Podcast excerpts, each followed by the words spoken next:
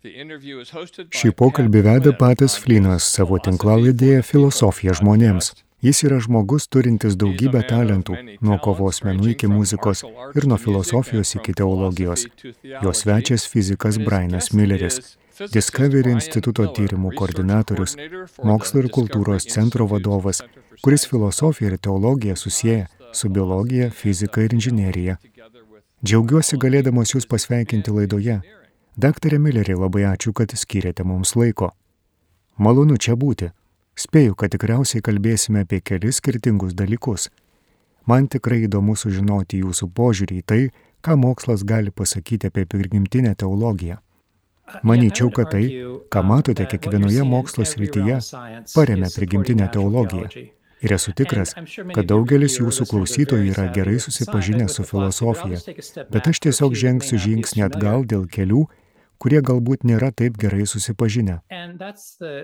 Diskusija apie tai, ar gamtoje galime išvelgti planą, ar tikime, kad žvelgdami į gamtą galime išvelgti Dievo buvimo įrodymus, jo prigimties aspektus, yra iš tiesų sena diskusija, kuri prasidėjo 500 metų prieš Kristų tarp tokių žmonių kaip atomistai, Demokritas, kurie tikėjo, kad viską galima paaiškinti natūraliais procesais, kad yra amžini atomai, kurie sąveikoja pagal taisyklės. Ir tos sąveikos, taisyklės, atsitiktinumas ir laikas paaiškina viską, ką matome visatoje. Ir jie būtų panašus į šio laikinius mokslinius materialistus, Jie būtų panašus į Richardą Dawkinsą ir jie nesutarė su žmonėmis, kurie tikėjo teleologiją, kad visatoje buvo tikslas. Ir vėlgi, kai kuriems iš jūsų tai labai elementaru, bet tikiuosi, kad kitiems iš jūsų tai bus naudinga, kurie galbūt neturi filosofijos išsilavinimo. Taip pat buvo tokie žmonės kaip Aristotelis ir Platonas, ir aišku Sokratas. Ir jie labiau priklausė tradicijai, kuri tikėjo, kad negalima paaiškinti visko, ką matote pasaulyje, vien tik atomų sąveika ir natūraliais procesais, bet tai turėjo kilti iš proto. Tas protas turėjo savyje, jei norite vartoti platonišką kalbą, dieviškas formas. Aristotelis tai matė šiek tiek kitaip. Tačiau pagrindinė idėja buvo ta, kad materija pati savaime negali paaiškinti tvarkos, kurią mes matome visatoje gyvenime mūsų planetoje. Tačiau protas turėjo formuoti materiją, kad sukurtų šį tikslingą rezultatą. Ir Platonas turėjo idėją apie šias formas, egzistuojančias kitame pasaulyje, o Aristotelis mane ir vėlgi pasitelksiu labai supaprastintą kalbą, kad tai buvo tarsi siela arba vyriškasis principas, kad gyvybėje yra ši nemateriali tikrovė, Um, kuri veda sėklą arba embrioną į galutinę formą. O vartojama kalba buvo tarsi dailidės, gaminančio laivą. Taigi tai tikslo išvelgimo pagrista tradicija. Ir kas atsitiko, kad po to, kai krikščionių tikėjimas tapo vis svarbesnis, kai katalikybė paplito Europoje ir kitose pasaulio dalyse, teleologinė tikslingumo perspektyva, tikėjimas sukūrimu tapo vis svarbesnis. Tokie žmonės kaip Augustinas labai vertino Platono raštus, taip pat Tomo Akviniečio, kuris akivaizdžiai vertino Aristotelį. Jie tikėjo, kad žvelgdami į gamtą pamatysite sukūrimo įrodymų. Per gamtą galima sužinoti apie Dievą. Tai prigimtinė teologija. Tokia jos pagrindinė mintis. Taigi mokslas ir teologija buvo persipinę. Ir toks požiūris iš tiesų dominavo daugelį metų. Ir štai kas atsitiko. Švituoklė iš pradžių pasislinko link Aristotelio ir Platono. O paskui atėjo naujųjų laikų epocha, apšvietos epocha, su skeptiškesniais filosofais. Ir vėl buvo grįžta prie atomistinės materialistinės tradicijos. Iš dalies tai buvo prasminga, nes žvelgiant į gamtą, labai daug ką galima paaiškinti iš paprastų gamtos dėsnių. Galime kalbėti apie mūsų visatos raidą, gravitaciją, Einšteino liktis, lauko likčių. Galima kalbėti apie chemiją, Galima kalbėti apie planetų judėjimą su Newtonu. Taigi atrodė, kad atomistinė tradicija turi daug prasmės. Ir atsitiko taip, kad ši filosofinė sistema ėmė dominuoti vakarų visuomenės intelektualinėme kraštovaizdyje. Akivaizdu, kad Čarlzas Darvinas labai tęsė atomistų tradiciją. Daugelis žmonių mano, kad viskas, ką jis galvojo, buvo labai originalu. Tačiau Darvinas gyvenimo pabaigoje kalbėjo apie tai, kad jo požiūris į paveldimumą ir prisitaikymą iš esmės sutapo su Hipokrato ir kitų filosofų požiūriu. Taigi senovės graikai turėjo evoliucijos idėją. Iš tikrųjų, tokie žmonės kaip Lukrecijus, kuris buvo lotynų poetas pirmame amžiuje prieš Kristų, turėjo primityvę natūralios atrankos versiją. Tai nebuvo šiuolaikinė mokslinė versija, bet iš esmės tai buvo idėja, kad gyvūnų dalys, kurios atsitiktinai persikėlė pirmin ir atgal ir iš jų susidarydavo organizmai, iš kurių ir kai kurie išgyvendavo, o kai kurie neišgyvendavo. Taigi tai labai panaši idėja. Kai skaitome Čarlzo Darvino populiarius raštus, jis save vaizduodavo kaip objektyvų gamtos stebėtoją siekianti tiesos. Bet paskui galime perskaityti jo asmeninius dienoraščius, kurie buvo paskelbti tik per pastaruosius kelis dešimtmečius, kuris kalba apie tai, kad jį labai paveikė jo epochos laisvieji mąstytojai. Žmonės, kurie sekė atomistų tradiciją, labai materialistiniu požiūriu į pasaulį. Taigi Darvinas pakeitė biologiją, nes anksčiau tokie žmonės kaip Williamas Peilį kalbėjo apie tai, kad žvelgdami į biologiją matome tikslą, matome sumanimą. Jis naudojo garsų į laikrodininko argumentą, kad laikrodyje matome tikslingų dalių išsidėstymą, o ir organizmas labai panašus į tikslingą laikrodžio dalių išdėstymą. Jei matote laikrodį, Žinote, kad jį pagamino ne gamta, bet už jo stovėjo protas. Ir daugelis žmonių mano, tai yra tarsi paplitusi klaidinga nuomonė, kad kažkaip peilį tai perėmė iš Tomo Akviniečio. Bet taip tikrai nėra. Net jei Tomas Akvinietis tikėjo, kad galima palyginti biologiją su žmogaus kūriniais ir išvelgti gamtoje teleologiją, proto nustatytą tikslingumą, ši idėja, kad žvelgdami į gyvybę matome sumanimą, buvo ankstyvųjų bažnyčios tėvų beveik visuotinai pripažinta. Tačiau su evoliucijos teorija tai smarkiai pasikeitė. Žmonės pasakė, kad tai tikrai nesukūrimas, o tik atsitiktinumai laiko tekmėje, natūralioji antranka, natūralūs procesai, Taigi buvo grįžtama prie filosofo Lukrecijaus idėjos ir tai pakeitė diskusiją. Vyravo požiūris, kad prigimtinė teologija yra praeitis, ji pasenusi, ji buvo paneigta, bet įvyko tai, kas įvyko. Mokslo pažanga per pastaruosius dešimtmečius, net per kelis pastaruosius metus, gražina mokslą į teleologinę perspektyvą, tikslo idėją. Taigi, prigimtinės teologijos idėja, manau ir kiti mokslininkai tai teigia, išgyvens klėstėjimo laikotarpį. Ji pradeda sugrįžti į mokslą. Ir knygoje Dievo didybė, tuose skyriuose, kuriuos parašiau, nagrinėjau du konkrečius klausimus. Vienas iš jų buvo gamtos dėsnių tikslų suderintumas. Ir taip pat pradžioje kalbėjau apie visatos pradžią, nes anksčiau Darvino laikais žmonės mane, kad visata yra amžina. Ir jei amžina, turite daug laiko ir gali nutikti bet kas. Būtent tuo tikėjo graikai.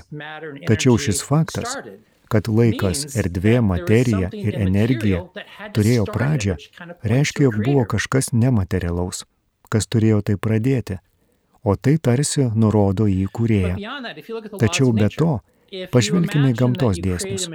Įsivaizduokite, kad sukūrėte mašiną, kuri galėtų sukurti visas visatas ir jūs dovanojate ją savo vaikui kalėdų progą. Tai yra dėžutė su daugybė valdiklių, kuriais galite valdyti kiekvieną visatos, kurią norite sukurti, detalę. Ir kas atsitinka? Pažiūrėkite, jei pakoreguotumėte įvairias gamtos dėsnių detalės, gravitacijos jėgą, stipriosios branduolinės jėgos, kuri sulaiko protonus ir neutronus branduolyje jėgą, Jei pakeisite įvairių subatominių dalelių masę, jei šių ciferblatų nenustatysite teisingai, visata negalės palaikyti gyvybės. Taigi atrodo, kad gamtos dėsnių sukūrė protas tam, kad palaikytų gyvybę. Jei pažvelgtume į Žemę, yra išleista knyga Privilegijuota planeta, kurią parašė Giljermas Gonzalezas ir J. Richardsas, kuris taip pat buvo mano minėtos knygos Dievo didybė bendraautorius. Jie ne tik pasakoja apie tai, kad mūsų planetoje yra tiek daug detalių, kurios būtinos mums gyventi, bet ir atskleidžia, kad mūsų planeta yra neįtikėtinai optimizuota gyvybei. Ir ne tik gyvybei, bet ir moksliniams tyrimams. Taigi ten yra teleologijos, tikslingumas, Dabar apie gyvybės kilmės klausimą. Tai labiau mano specialybė, nes studijavau sudėtingų sistemų fiziką. Kai atsižvelgiame į viską, ką žinome apie fiziką, chemiją, tai rodo, kad lastelė negalėjo susiformuoti natūralaus proceso metu.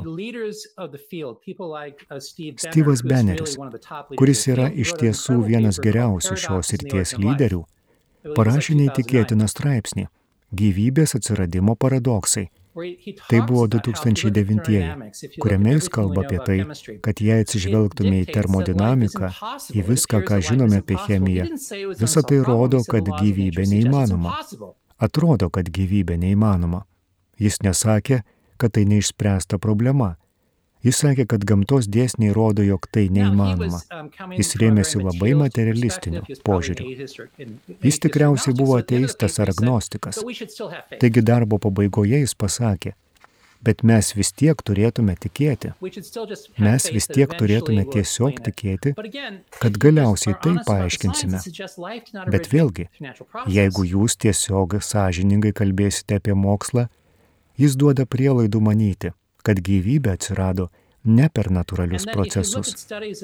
Jei pažvelgsite į minimaliai sudėtingų lastelių tyrimus arba į save replikuojančias mašinas, bet kuriuo atveju, tai kas replikuoja, ar tai būtų lastelė, ar robotas, ar kosminis zondas, turite turėti energijos gamybą, informacijos apdorojimą, klaidų taisymą, selektyvius vartus, visuotinį koordinavimą, grįžtamojo ryšio kilpas. Taigi tai, ką matome gyvybėje, pačiu baziniu lygmeniu yra sumanimas, yra tikslas. Taigi švituoklė vėl grįžta prie teleologijos. Taigi prigimtinė teologija iš tiesų tampa šių dienų mokslo centru. Kalbant apie mano paties praeitį, iš tikrųjų aš užaugęs katalikų šeimoje, bet paskui nutiko taip, kad išgyvenau labai rimtą tikėjimo krizę, nes perskaičiau tokius autorius kaip Richardas Dawkinsas, kuris parašė knygą Klasis laikrodininkas, ir esu tikras, kad dauguma jūsų klausytojų žino apie jį. Bet tiems, kurie nežino, jis yra tarsi ateistų šventasis globėjas. Jis parašė knygą Dievo iliuzija kurios pavadinimas kalba už save, bet jis taip pat parašė knygą Klasis laikrodininkas. Šioje knygoje iš tikrųjų teigiama, kad jums gali atrodyti, kad gamtoje matote protingą projektą, bet visa tai yra iliuzija. Visa tai tik atsitiktinumų laiko ir natūralių procesų vaisius. Jis įrodinėjo, jog visada, į kurią žvelgiame, rodo, kad nėra jokio kurėjo. Tai tik aklas, negailestingas abejingumas. Tokia buvo jo mintis. Ir aš tapau gana įsitikinęs, kad katalikybė, krikščionybė, tikėjimas į Dievą apskritai buvo psichologinis ramentas, kad žmonės tuo tikėjo, nes nebuvo labai gerai pasirengę mokslui. Jie šiek tiek labiau emocingesni, Jie nemastė taip racionaliai ir tai buvo atgrasu, nes jei Dievas neegzistuoja, na, tuomet gyvenimas neturi prasmės. Aš tiesiog mirsiu, o Saulė sproks ir mūsų planeta išgaruos. Tad kokia prasme? Taigi aš tarsi nuoširdžiai kalbėjausi su Dievu. Nuėjau į savo kambarį ir pasakiau, Dieve, nežinau, ar tu egzistuoji, bet jei egzistuoji, turi man tai įrodyti, nes aš esu mokslininkas. Ir taip atsitiko, kad daugelį metų keliavau ir apvaizdos dėka susipažinau su keliais tikrai aukščiausio lygio mokslininkais, kurie parodė, jog žvelgiant į mokslą, visur galima išvelgti protingą sumanimą Visur matosi tikslingumas. Aš sutikau kitus žmonės, kurie kalbėjo apie prisikėlimo įrodymus, kad tai vienas iš geriausiai paliudytų tokio masto įvykių žmonijos istorijoje. Man teko ir asmeniškai patirti Dievą, matyti stebuklus, patirti Jo meilę. Taigi iš tiesų per tą intelektualinę kelionę ir per Dievo įsikišimą, kuris iš tikrųjų sugražino mane į tikėjimą, Šiandien esu ten, kur esu. Gavau daktaro laipsnį sudėtingų sistemų fizikos rytyje. Studijavau fiziką ir inžineriją Massachusetts'o technologijos institute. Fizika buvo mano pagrindinė specialybė, o inžinerija antra meilė. Tada išvykau į Duke universitetą baigti sudėtingų sistemų fizikos doktorantūros studijas. Uh, Būtent doktorantūros metu. Tiesą sakant, sugrįžo mano tikėjimas tiesiog per studijas. Uh, Galbūt esate girdėję posakį, kad truputis mokslo atitolina nuo Dievo, bet daug mokslo sugražina atgal prie Dievo. Tada ir pasakiau, kad tikrai turiu skirti savo gyvenimą tam, kad atskleiščiau žmonėms, kurie kovoja prieš tikėjimą, kodėl mokslas tikrai rodo įkūrėją. Ir galiausiai, kodėl krikščionių tikėjimas yra tikras. Um, Taigi aš dirbau kurį laiką privačiame sektoriuje, bet galiausiai padėjau rašyti knygas apie Dievo buvimo įrodymus ir sukūrimą. Neseniai padėjau Steve'ui Meyeriui parašyti knygą Sugrįžimas prie Dievo hipotezės. Aš buvau tarsi pagrindinis techninis konsultantas fizikos kosmologijos klausimais. Pastaruosius šešerius su pusę metų dirbau Discovery institute mokslinių tyrimų koordinatoriumi. Taigi pradėjau dirbti su mokslininkais visame pasaulyje, kurie atlieka tyrimus, pasitelkdami juose intuiciją, jog pasaulis yra protingai sumanytas kad tai padėtų jiems atlikti geresnius tyrimus. Taigi ši intuicija padeda jiems užduoti geresnius klausimus. Dirbu su biologais ir inžinieriais. Jie rodo, kaip inžinierija padeda suprasti biologiją daug, daug giliau. Taigi aš padedu tai tirti, padedu apjungti mokslininkus visame pasaulyje kalbu ir rašau šią temą. Kalbant apie gyvybės kilmės problemą, bendravau ir kalbėjausi su kitais žmonėmis, kurie tikrai yra šios ryties lyderiai. Privačiai bendravau su žmonėmis, kurie mano, kad gyvybė turėjo atsirasti natūraliai, bet jie pripažįsta, kad yra rimtų problemų tai pagrysti. Ir su kitais žmonėmis, kurie nusiteikia skeptiškiau. Taigi galiu Jums pateikti pastarųjų dešimties metų tyrimų rezultatus, dėstytus per šimtus paskaitų į kelias minutės. Taigi pagrindinis iššūkis yra tas, kad visi natūralūs procesai yra linkę sukurti didesnę netvarką kuri vadinama entropija. Sunkiau palaikyti tvarką savo kambaryje bei nei betvarkę. Jei turite vaikų, žinote, kad tai iš tikrųjų didina netvarką, o ne padeda susitvarkyti. Yra atvejų, kai taip nėra. Pavyzdžiui, kai vanduo užšala, atsitinka taip, kad netvarkingas vanduo virsta ledu kuris yra tvarkingesnis. Tačiau taip atsitinka todėl, kad jėgos tarp molekulių, vandens molekulių, traukia viena prie kitos, kad susidarytų kristalinė gardelė, nes tai mažesnės energijos būsena. Ji yra palankesnė. Taigi vienintelis atvejs, kai kažkas gali pereiti iš netvarkos arba didelės entropijos į mažą entropiją, jei pereina į mažesnės energijos būseną, heat into the environment. And the heat in the environment causes the order of the environment to increase, the disorder of the environment, the entropy of the environment to decrease by amount greater Visgi grinasis visatos pokytis yra didesnė netvarka, didesnė entropija. Taip veikia gamta. Problema ta, kad gyvybės atsiradimui reikia, jog cheminės medžiagos eitų link didelės tvarkos, tai yra mažos entropijos – ir didelės energijos būsena. Tai niekada neįvyksta be pagalbos. Ką turiu omenyje sakydamas pagalba? Na, leiskite pasinaudoti analogiją, kad tai būtų labai paprasta. Įsivaizduokite, kad esate girdėję, jog energija gali suteikti tvarką. Ir būtent tai nuolat girdite gyvybės atsiradimo tyrinėtojų ratuose. Tai gali būti saulės šviesa, galbūt kažkokia didelės energijos cheminė medžiaga, protonų gradientas. Taigi ši energija gali sukurti tvarką. Tai visada girdite. Bet yra problema. Štai analogija. Jei nueitumėte į savo namus, juose būtų visiška netvarka, Gal išvykote savaitgaliu ir jūsų vaikai tiesiog siautėjo, jūs pasakytumėte, na, girdėjau, kad energija gali padaryti tvarką. Taigi aš užpilu benzino ant sofos ir padegu, o degančio benzino energija sukurs tvarką? Ar tai suveiktų? Taip, tai neveiks taip gerai nes grina energija sukurs netvarką. Taigi, ko jums reikėtų? Tai paversti energiją į naudingą jos formą. Nusipirksite robotą iš eBay ir prijungsite jį prie elektros tinklo į elektros lizdą ir tada turėsite energijos, nes ši energija bus paversta robotu, kuris juda, kad sukurtų tvarką. Taigi, kad būtų tvarka, turite turėti tam tikrą mašiną, kuri gali paversti tam tikrą neapdorotą energijos formą į naudingą darbą atlikti, kad būtų sukurta norima tvarka. Tačiau to nepakanka, nes jei nusipirksite robotą, įkrausite jį ir paleisite laisvai veikti, jis pridarys bėdos namuose, nes ko dar reikia? Jums reikia programinės įrangos, jums reikia informacijos, Jums reikia instrukcijų apie tvarką, kurią norite sukurti. Taigi vienintelis būdas sukurti tvarką gyvenime yra turėti labai sudėtingas mašinas, kurios gali apdoroti tam tikrą energijos šaltinį, pavyzdžiui, saulės šviesą, gliukozę, paverstą į lastelėms naudingą formą, pavyzdžiui, molekulės vadinamas ATP. Bet tada reikia informacijos instrukcijų, kaip nukreipti tą energiją ir nukreipti masę taip, kad būtų sukurta norima tvarka.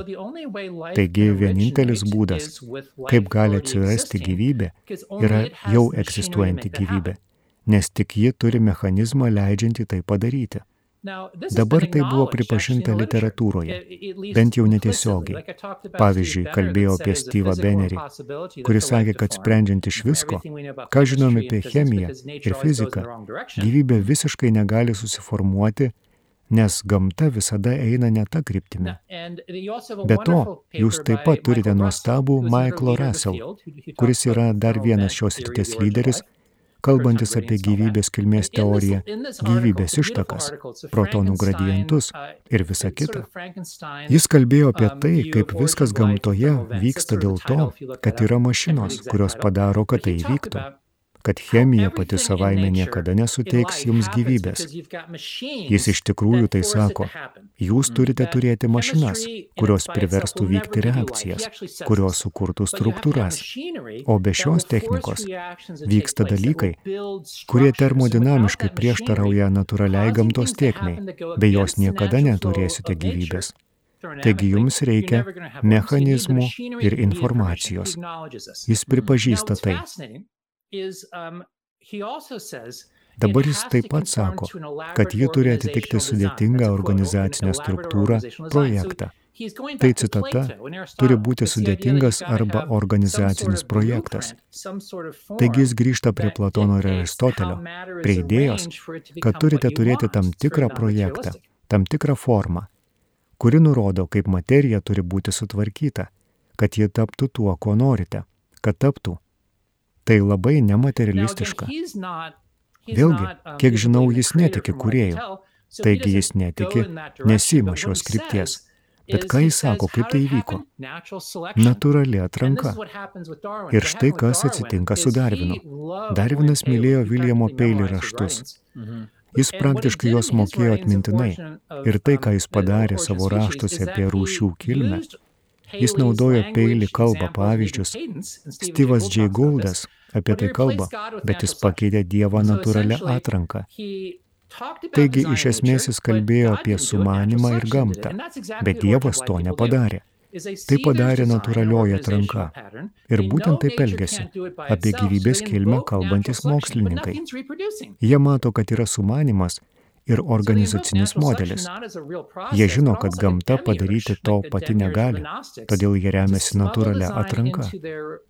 Taigi jie remiasi natūraliaja atranka ne kaip tikrų procesų, bet beveik kaip demiurgų, kaip gnostikų demiurgų, tarsi norėdami į savo tyrimus įterpti projektą, visai neatsižvelgdami į projektuotoją.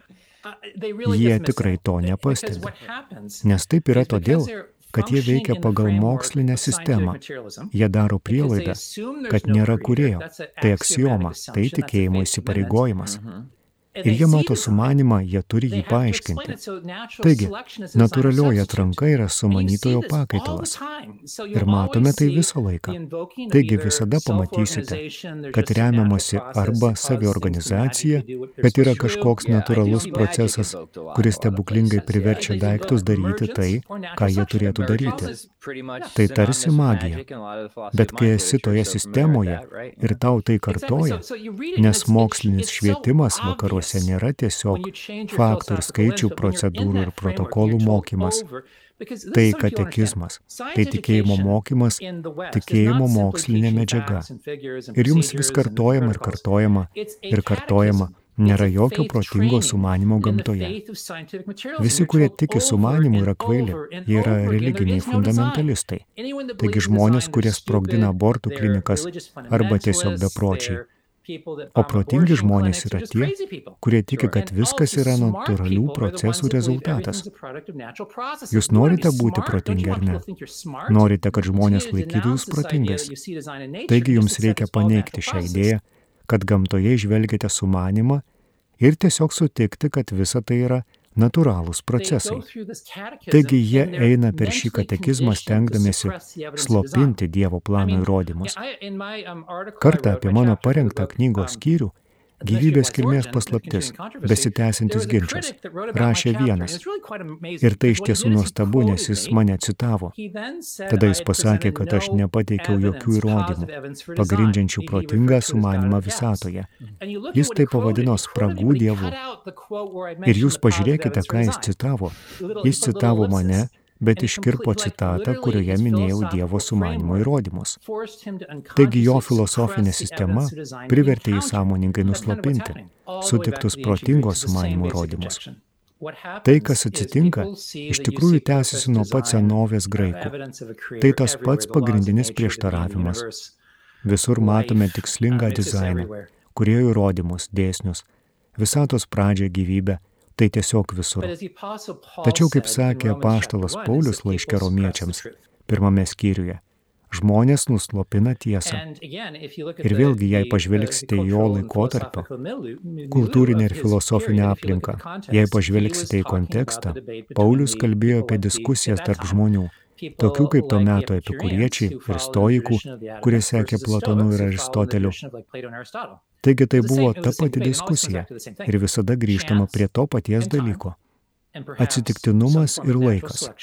Ir galbūt tam tikra natūralios atrankos forma gali imituoti projekto sumanimo atsiradimą. Taigi, kas atsitinka? Kaip paaiškinti tikslų gamtos konstantų suderinimą? Sakysite, yra daugybė visatų, kuriuose yra begalybė galimybių. Ir mes ką tik laimėjome loterijoje. Atsitiktinumas natūralioje atrankoje. Mes gyvename čia. Taigi ši visata tokia sukrito atsitiktinai. Ir tai paaiškina pastebimą sumanimą. Bet yra problema. Kai pažvelgiame į visas šias daugelybės visatos arba multivisatos teorijas, jei kalbame apie tokius dalykus kaip amžinoji infliacija ir į kitas teorijas, visi šie būdai pagrysti multivisatą turi būti tiksliai sureguliuoti, kad veiktų. Taigi jūs negalite atsikratyti tikslaus suderinimo būtinybės. Tai tarsi turint didžiulį kilimą, kuris yra per didelis jūsų kambariui, viduryje atsiranda iškilimas. Kai jūs plaktuku numušate tą iškilimą, jis tiesiog atsiranda kitoje vietoje. Kiekvienas bandymas paaiškinti tikslų suderintumą Tarkime, apeliuojant į multivisatą, vis tiek turi būti tikslus suderintumas, kad jis suveiktų. Taigi iškilimas tiesiog atsiranda iš naujo. Jūs iš tikrųjų negalite jo atsikratyti. Tas pats ir gyvybės atsiradimo klausimu. Kas vyksta gyvybės atsiradimo metu? Idėja yra ta, kad egzistuoja visi šie savaime besidauginantis RNR, RNR pasaulio hipotezė arba savaime atsikūrentis autokatalitiniai ciklai ar kažkas panašaus ir tiesiog atsitiktinumas, laikas ir natūralios atrankos forma gali imituoti projekto atsiradimą. Bet iš tikrųjų tai yra spragų materializmo argumentas. Kiekvieną kartą, kai žmonės mato protingą sumanimą, tvarką gamtoje, jie bando paaiškinti materialistinėmis priemonėmis, kurios gali vykti Bet mokslu tobulėjant tie modeliai ir paaiškinimai nuolat žlunga. Pavyzdžiui, save replikuojančios RNR - tai neįmanoma. Pirma, jūs negausite RNR, nes bet koks cheminis procesas sukurs tiek daug atsitiktinių molekulių, kad niekada negausite nukleotidų, kad susidarytų RNR. Tai neįmanomas dalykas. Tai fiziškai neįmanoma. Bet jei ir turėtumėte iš anksčiau egzistuojančią RNR, net jei ateiviai ankstyvąją žemę išpylė trilijonus tonų RNR, kuri yra ne vien cukrus, bet tai iš esmės yra informacijos nešėjai jūsų kūne. Taigi, jei turite visas šias ilgas sudėtingas molekulės, kurios pačios save atkuria, tikimybė, kad tokia informacijos seka savaime atsikartos, yra nesuvokiamai maža. Ir dar, RNR natūraliai greitai suyra.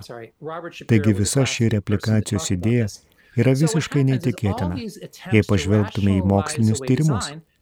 Ir daugelis aukščiausio lygio mokslininkų tai pripažino, pavyzdžiui, Robertas Šapiro, Taigi, kas atsitinka? Tai visi šie bandymai racionalizuoti, natūraliai paaiškinti protingą sumanimą gamtoje nepavyksta. Kur žmonės grįžta?